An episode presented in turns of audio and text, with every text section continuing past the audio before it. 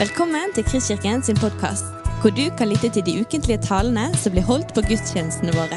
Vi håper denne podkasten vil inspirere og utfordre deg til å kjenne Gud, elske mennesker og tjene vår verden.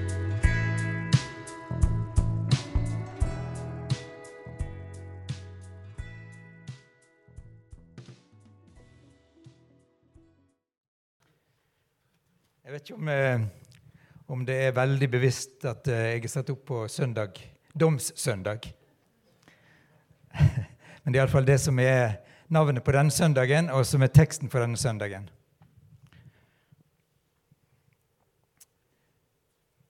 Og Den teksten vi skal lese, den står i Matteus kapittel 25, fra vers 31.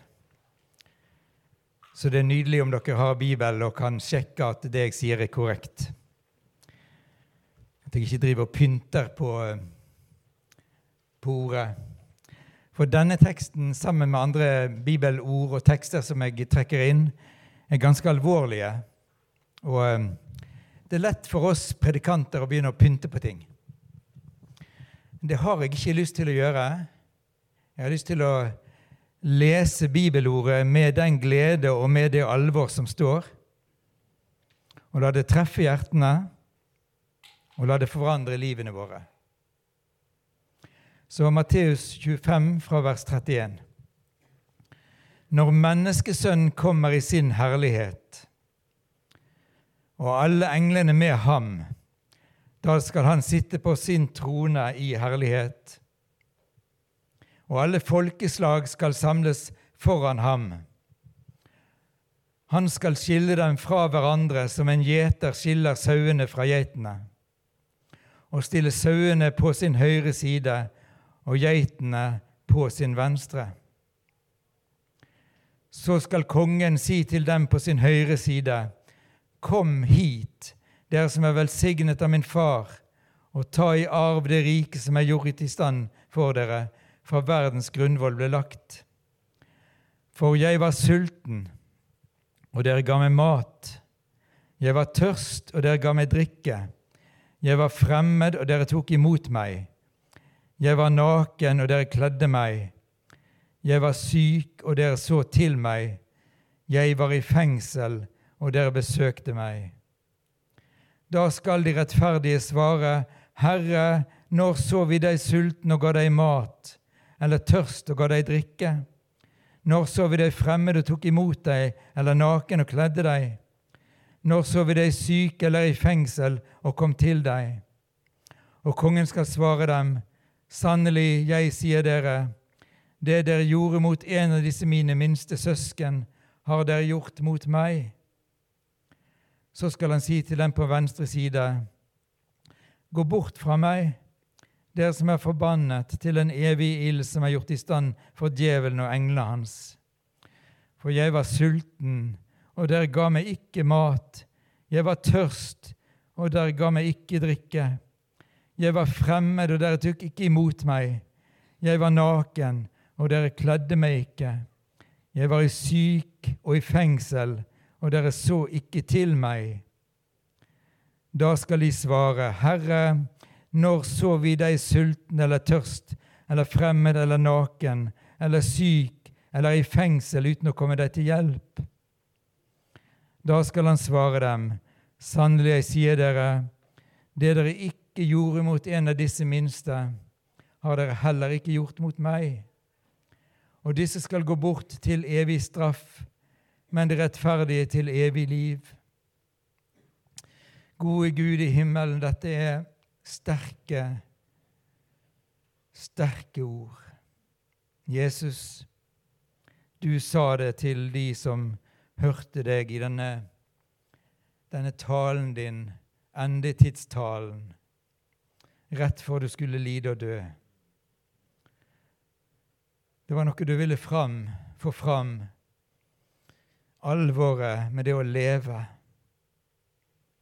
alvoret med det en gang å skulle stå for din domstol. Og Jesus, nå er her, vi, vi her framfor deg. Og hjelp oss til å lytte, Send din talsmann, Den hellige ånd, sannhetens ånd, iblant oss. Så han kan levendegjøre dette ordet og forvandle våre liv. I Jesu navn. Amen. Jeg har eh, lest denne teksten noen ganger denne uka. Og så har jeg vært på YouTube og sett på mange taler. En av dem har jeg lagt på, på Facebook-siden til Kristkirken intern. Så dere som ikke får noe ut av min tale i dag, dere kan eh, gå og se den. Og lytte til det budskapet. Og så går, an å, går det an å ta for seg en fire-fem fantastiske andre taler også, som gjerne kunne delt med dere, men dere finner dem. Så jeg har arbeidet med det gjennom denne uken og kjent at uh, det gjør noe med meg. Og jeg har måttet tenke gjennom uh, mange situasjoner i mitt eget liv. Og så da jeg satt på fredagskvelden og leste teksten, så fikk jeg inn en melding. I am a Muslim but I want to become a Christian. Can you help me? Og det kom fra et land der vi inntil for få år siden sa at eh, 99,9% var muslimer. Og ikke bare muslimer, men av den virkelig radikale typen. Med sterk innflytelse fra, fra wahhabisme i Saudi-Arabia.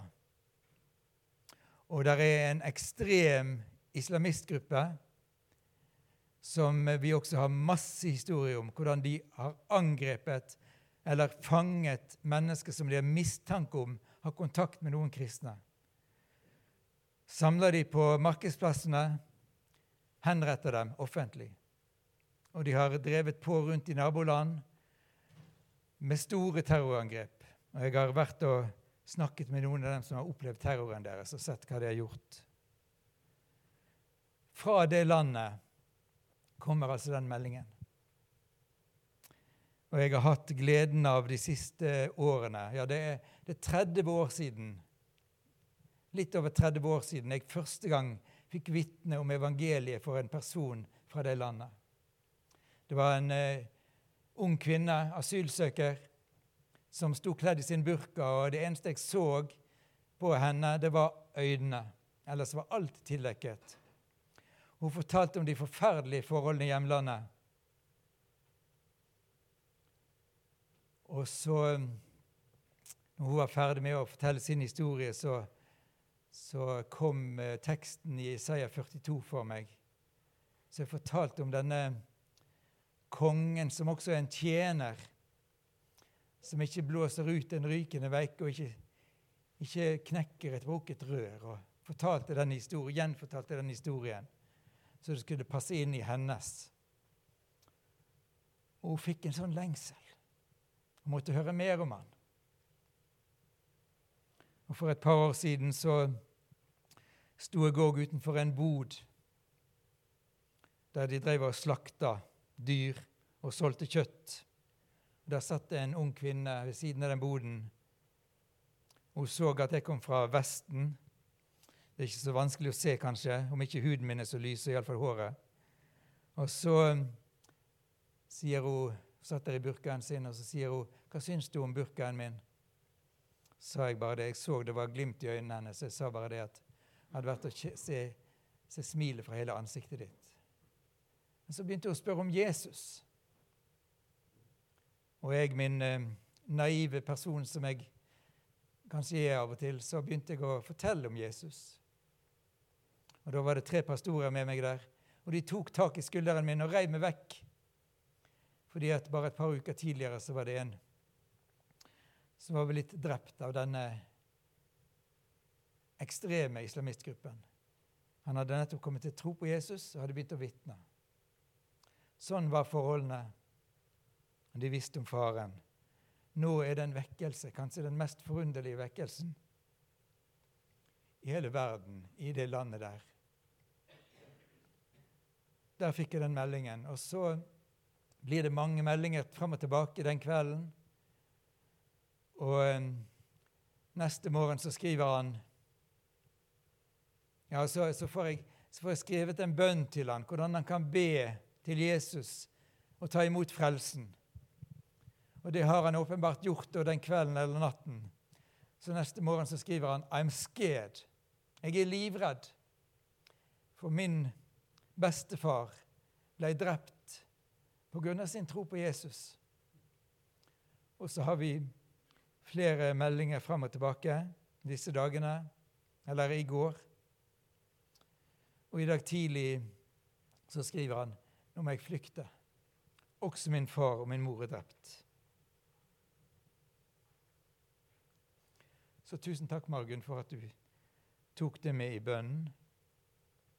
Og jeg, jeg syns det passer utrolig godt inn i den teksten der på mange måter, men jeg skal komme tilbake inn til det. For her står det at når menneskesønnen kommer i sin herlighet, og alle englene med ham, da skal han sitte på sin trone i herlighet. I, når vi kommer til neste kapittel, i Matteusevangeliet, de to neste kapitlene, så er Jesus der som en Hva skal vi si? Han er der som et slaktoffer, et lam. Da er det andre som sitter på tronene sine. Der er øverste prestene med sine flotte kapper og med makt, religiøs makt. Der er en kong Herodes på sin trone, i sin kåpe. Og det er Romerrikets representant Pontus Pilatus de er på tronen. Og Jesus er bare som et slaktoffer. Hadde de visst hvem han er, menneskesønnen, når han kommer tilbake, så tror jeg de hadde tenkt og handlet annerledes. For han kommer tilbake. Første gang han kom, så hang han på korset. Da var det straffen som rammet han.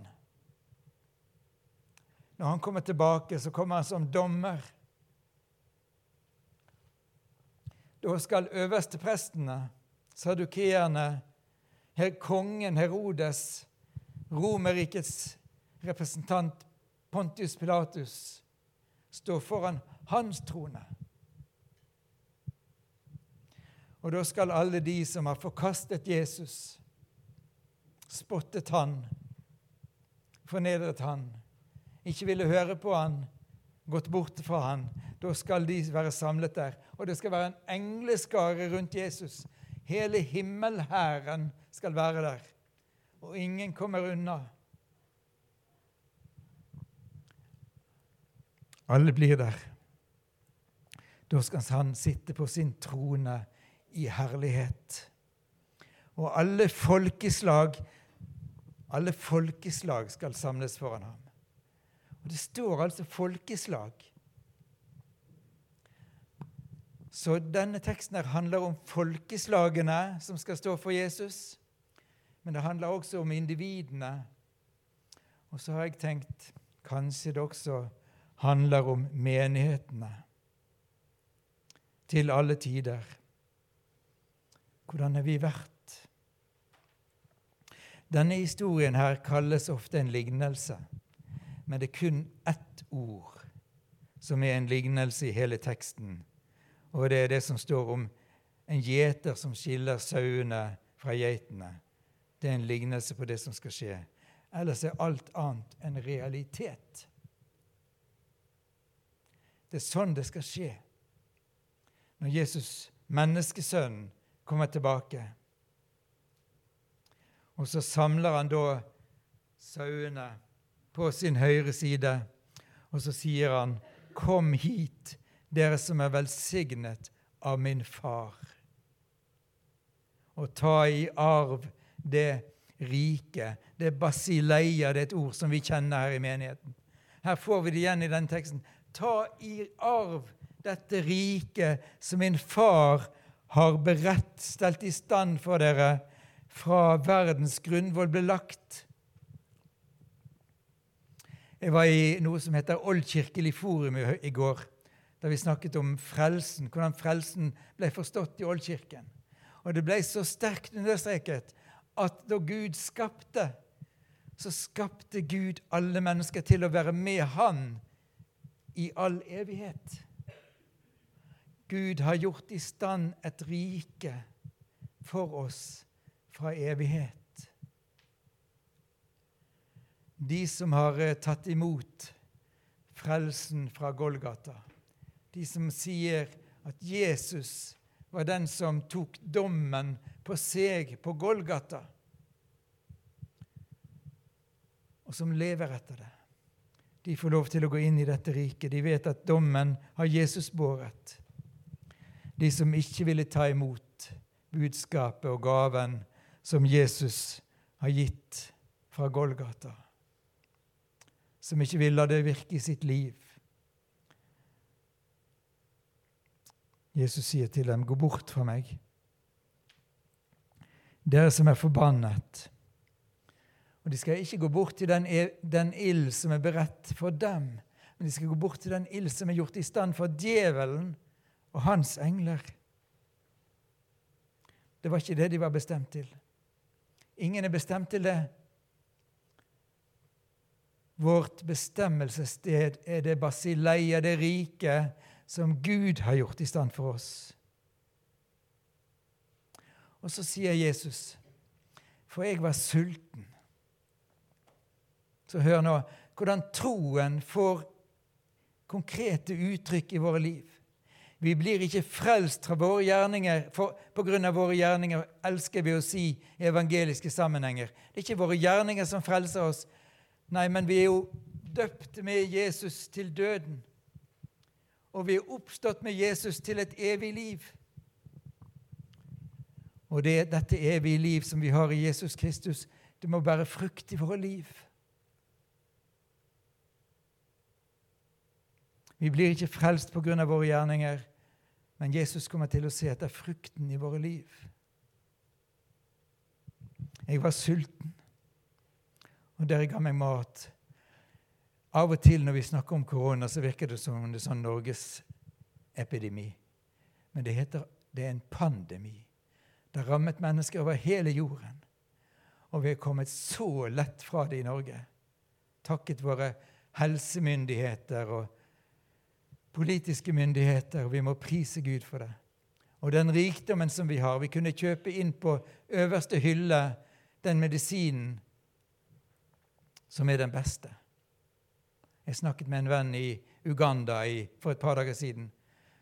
Og uh, han spurte meg hva medisin jeg hadde fått, hva vaksine jeg hadde fått. Der er det bare den vaksinasjonen, den vaksinen, som er den dårligste utgaven. Jeg var sulten. Dere ga meg mat. Jeg var i en flyktningleir i Bikardalen i Libanon. Masse, masse av uh, syriske flyktninger. De aller fleste muslimer. Det var noen få kristne, men de fleste kristne våget ikke å bo der. Det var farlig for en kristen flyktning å være sammen med de muslimske flyktningene. Men det var en kirke der i dalen. Der delte de ut mat og medisiner, bleier, soyamelk og det familiene trengte. Og vi kom til kirken, der så sto det en lang, lag rad av burkakledde kvinner og tok, tok imot disse brune kartongene med alt dette i. Og så gikk de tilbake til sin familie. De hadde fått det i kirken. De fikk mat fra kirken. Og han, presten, Pastoren i den kirken han sa 'Jeg heter Jihad, og jeg er så stolt av navnet mitt.'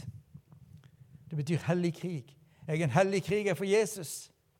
Og det står om Paulus, eller Paulus skriver i, i 2. Timoteus brev, sånn som det står på arabisk, så står det 'Jeg har stridd den gode jihad'. Jeg har stridd den gode strid. Og Der var disse kristne i menigheten der, og de stred den gode strid på en veldig praktisk måte, med hjelp fra Åpne dører, som betalte for all denne, denne hjelpen, denne maten. Og Så gikk de kristne kvinnene tilbake til sine telt eller skur. Og familien hadde mat og bleier til babyene. Og så kom den ene familien etter den andre til tro på Jesus. Jeg Kan ikke begynne å dele vitnesbyrdene, men det, de er sterke. Så var det en kvinne der som kom til kirken en dag, og så sa hun jeg vet at dere her i kirken eh, tar opp offer til eh, familier og til personer. Min mann er veldig syk. Vi trenger så og så mye penger for at han skal få legehjelp. Kan dere ta opp et offer til han? Så må presten svare at ikke denne søndagen kan vi gjøre det. Vi har allerede noen, men neste søndag. Så tok de opp offer den, den søndagen etter for at det skulle være penger til medisin og legehjelp for mannen. Konen kommer hjem med pengene, og mannen sier, 'Hvor har du fått det?' 'Jeg har vært i kirken', sier hun litt sånn beskjemma. Og de har de har gitt meg dette. Så reiser mannen seg opp og tar kona si med seg og går til moskeen. Ber om å få snakke med imamen og sjeiken. Og så sier han, 'Jeg har gått i denne moskeen her i flere år.' 'Dere har aldri hjulpet meg eller min familie noe som helst.' Og så går kona mi til en kirke som dere har forbudt oss å gå i.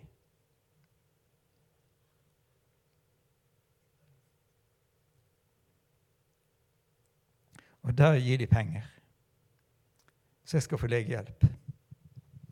Farvel. Siste gang jeg er her i moskeen.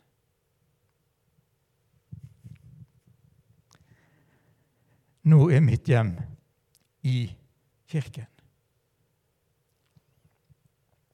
Jesus sier, 'Jeg var fremmed,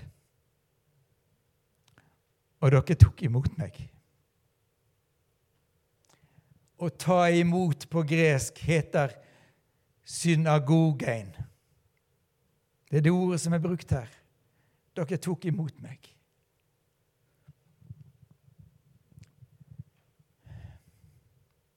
Dere tok imot meg i kirken. Jeg var fremmed. Men jeg opplevde å bli tatt imot. Dere så på meg som en bror, som en søster i Kristus.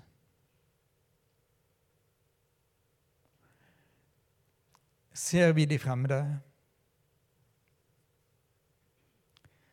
Ser du de fremmede når du er ute og går på veien?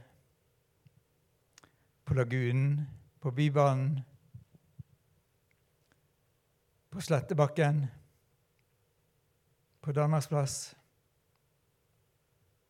i blokka der du bor? Er det noen av dem som skal få oppleve at ja, Du ser også det, kvinner som går kledd som muslimske kvinner. tenker du, hva kan jeg gjøre? Hva kan jeg gjøre? Kan jeg gjøre noe kanskje som de aldri har fått opplevd i moskeen?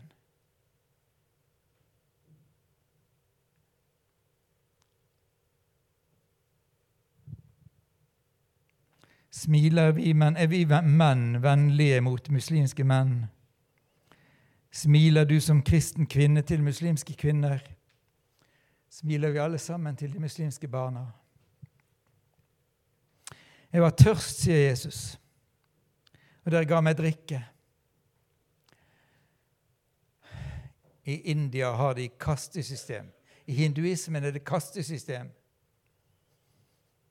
Eh, ja Jeg skal ikke si så mye om det, for da kjenner jeg at det, det bobler i meg. Men det, det er alvorlig koronapandemi i India. Så kommer eh, braminer, og så kommer daliter til samme sted for å få hjelp. I en landsby så er det en brønn. Og alle skal få lov til å komme og få vann fra den brønnen. Men hvis du er en dalit eller en sudra som har vendt om til troen på Jesus, så står det noen og sier du kan ikke få. Du er urein. Du får ikke vann. Kristne blir jaget vekk fordi de hører Jesus Kristus til. Og når vi har fått høre om dette i Åpne dører, så sier vi hva kan vi gjøre? Det er mine søstre og brødre. De må ha vann, ellers så dør de. Det er det Jesus ser etter i våre liv, hos oss som er gjenfødt. Gjenspeiler vi Han? Jeg var syk, sier Jesus. Åh, vet du, jeg har et bilde i hodet mitt. Det slipper meg ikke.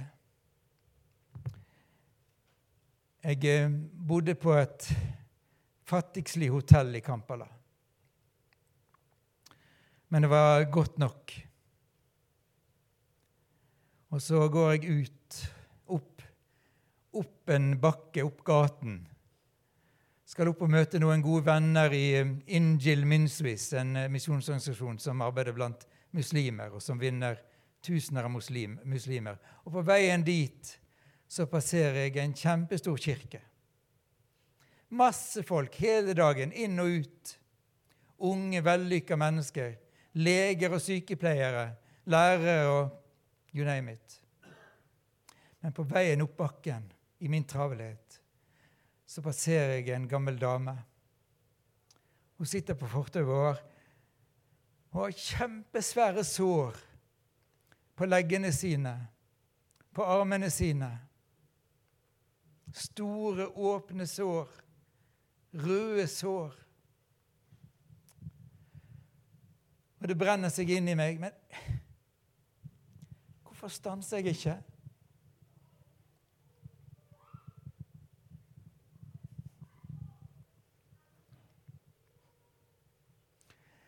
Hvorfor eh, tenkte jeg ikke Jeg har jo 1000 kroner. Det koster meg ikke mer. Få tak i en taxi. Få bringe henne til lege. Hvorfor eh, var det ikke andre fra den svære kirken som stansa ved henne og tok henne med seg?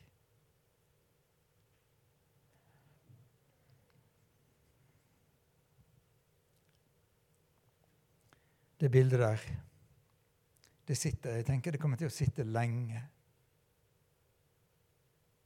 Og jeg tenkte åh, kan jeg møte henne igjen? Jeg var syk, sa Jesus. Og dere så til meg. Jeg var i fengsel. Ja, jeg har møtt noen som har eh, vært i fengsel for Jesu navns skyld besøkt noen. Jeg har spurt etter noen og fått beskjed du må ikke spørre mer. Vi tør ikke å snakke om dem. Vi kan bare be. Men vi satt på Nine bedehus på Voss. Bedehuslederen og en fin kristen fra Iran og jeg. Og så hadde vi en Skype-samtale med ei ung kvinne, Mariam som satt i det berykta Evin-fengselet i Teheran. Hvorfor var hun fengsla? Fordi hun elska barn. Og fordi hun hadde en gave til å forkynne for kvinner. Så hadde danna mange husmenigheter for kvinner rundt om i Iran. Og hun, hun hadde søndagsskole for barn. Hun var lærer av yrke. Så tok myndighetene henne putta hun i dette forferdelige fengselet. Og Mariam var syk. Og myndighetene gjorde ingenting for å gi henne medisiner eller hjelpe henne. Til slutt så ble det så ille at hun holdt på å dø i fengselet. Så fikk hun fem dagers permisjon for å kunne oppsøke lege. Og Det var da vi hadde samtale med henne og med søsteren. Mariam satt skjult, men søsteren kunne vi se og snakke med. Så når vi er ferdig med Med den samtalen så hadde vi en stund der vi ba. Så um, pastoren i Nain på Voss, han Han bare gråt. Og um, Amin fra Iran, han ba en bønn, og jeg lyste velsignelsen. For å være helt ærlig Det er noen gudstjenester fra Kristkirken jeg husker veldig godt. Men ikke så mange. Det er ikke så mange som har gjort sånn kjempeinntrykk at jeg aldri kommer til å glemme det. Men den gudstjenesten der Fem stykker. To i Iran. Ei som var ute fra fengsel i fem dager. En iraner på bedehuset, forsamlingsleder på bedehuset, og meg. Det er en gudstjeneste jeg aldri glemmer.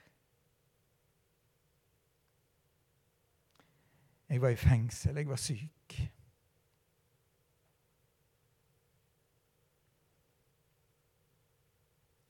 Og dere besøkte meg.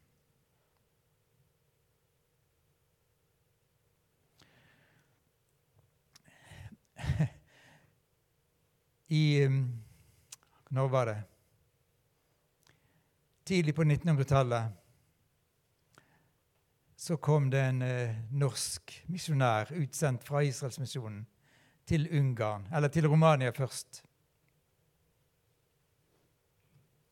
Gisle Jonsson. Og um, kan lese på Wikipedia om han, blant annet. Han var i Romania, så var han i Istanbul i forbindelse med noen pogromer. Han måtte hjelpe disse jødene som hadde opplevd pogromene. Og så kom han til Ungarn, gjorde tjeneste inntil sin død blant jøder under holocaust, inntil han døde i 1946. Totalt utslitt ødelagt av sykdom. Og hvis det skulle stå noen eh, stå dødsårsak over hans liv, eller over hans død, så tror jeg det ville stå kjærlighet til det jødiske folk. Han døde av kjærlighet til det jødiske folk. Han ga seg sjøl. Jeg tror jeg har fortalt dere før om eh, denne misjonæren Graham Staines i India, som arbeider blant de aller, aller, aller laveste, spedalske. Fra de kasteløse dalittene og de lavkaste sudraene. Hans liv besto i det. Han elsker det. Han hadde fått tre barn med sin kone Gleidis. Og de dro av gårde til denne kolonien av spedalske. Og de to små guttene hans hadde begynt å elske å dra dit sammen med faren. Det var det som var livet deres, å være til trøst og hjelp for de utstøtte spedalske, de som ikke hadde noe, og som andre i samfunnet ikke ville hjelpe, for det var jo deres egen skyld det var deres egen karma at de var spedalske, eller at de var født kasteløse. Men Graham Staines han elsker dem. Og så ble han tatt livet av sammen med sine to sønner av noen som hater det han gjorde. Og som ikke minst hater det at gjennom det arbeidet han gjorde, var det mange som kom til tro på Jesus.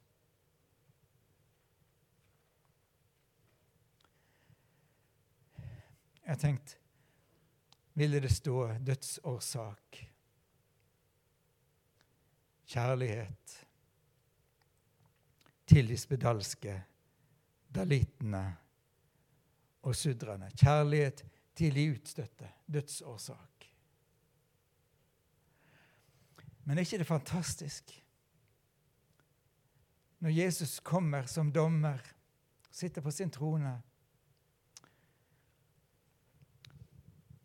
så vil han si Kom hit, Gisle Jonsson. Kom hit, Graham Steins og dine to sønner, dere som er velsignet av min far. Ta i arv det rike som er gjort i stand for dere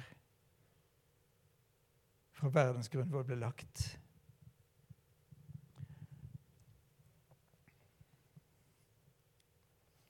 Alle disse som, eh, som Jesus forteller om her, de, de spør når så vi deg naken?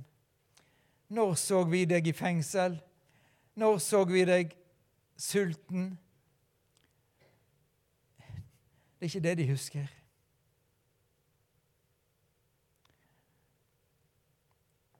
De har bare gjort det fordi Den hellige ånd hadde skapt i deres liv.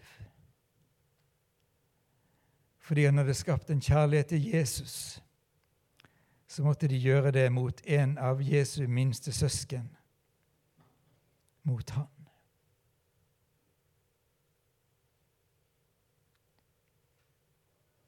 Det dere har gjort mot en av disse mine minste har dere gjort mot meg, sier Jesus.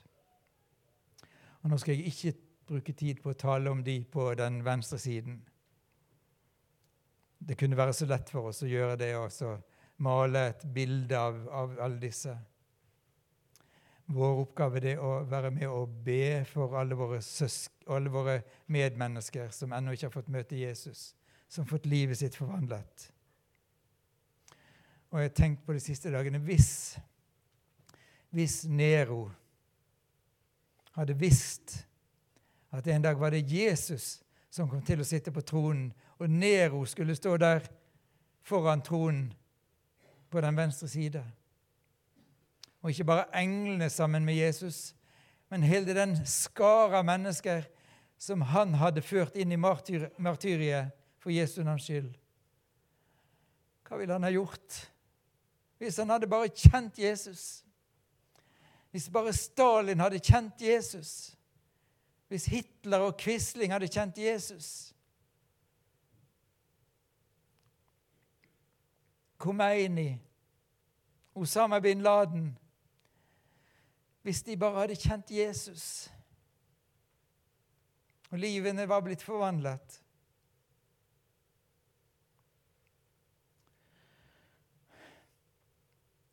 Det er ikke min oppgave å fordømme dem. Det tar Gud seg av. Det tar menneskesønnen seg av. Min oppgave det er å vitne om Jesus. Det å være på de steder og på de plattformer jeg kan for å vitne om Jesus. Det å be for mennesker når jeg møter dem.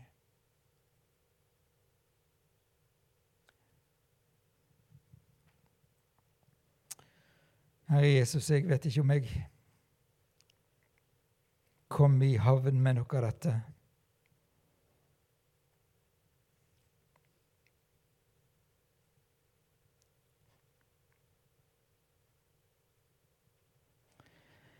Et pris er ditt navn, Jesus for at vi får lov til å være ditt folk. Jeg priser ditt navn for at vi får lov til å være en kristkirke. Halleluja. Og jeg priser deg for det du har kalt oss til på dette stedet og i denne byen. I Jesu navn. Du har lyttet til en podkast fra Kristkirken i Bergen. Vi håper du har blitt inspirert og utfordret i din vandring med Gud. Vil du vite mer om oss, så klikk deg inn på kristkirken.no.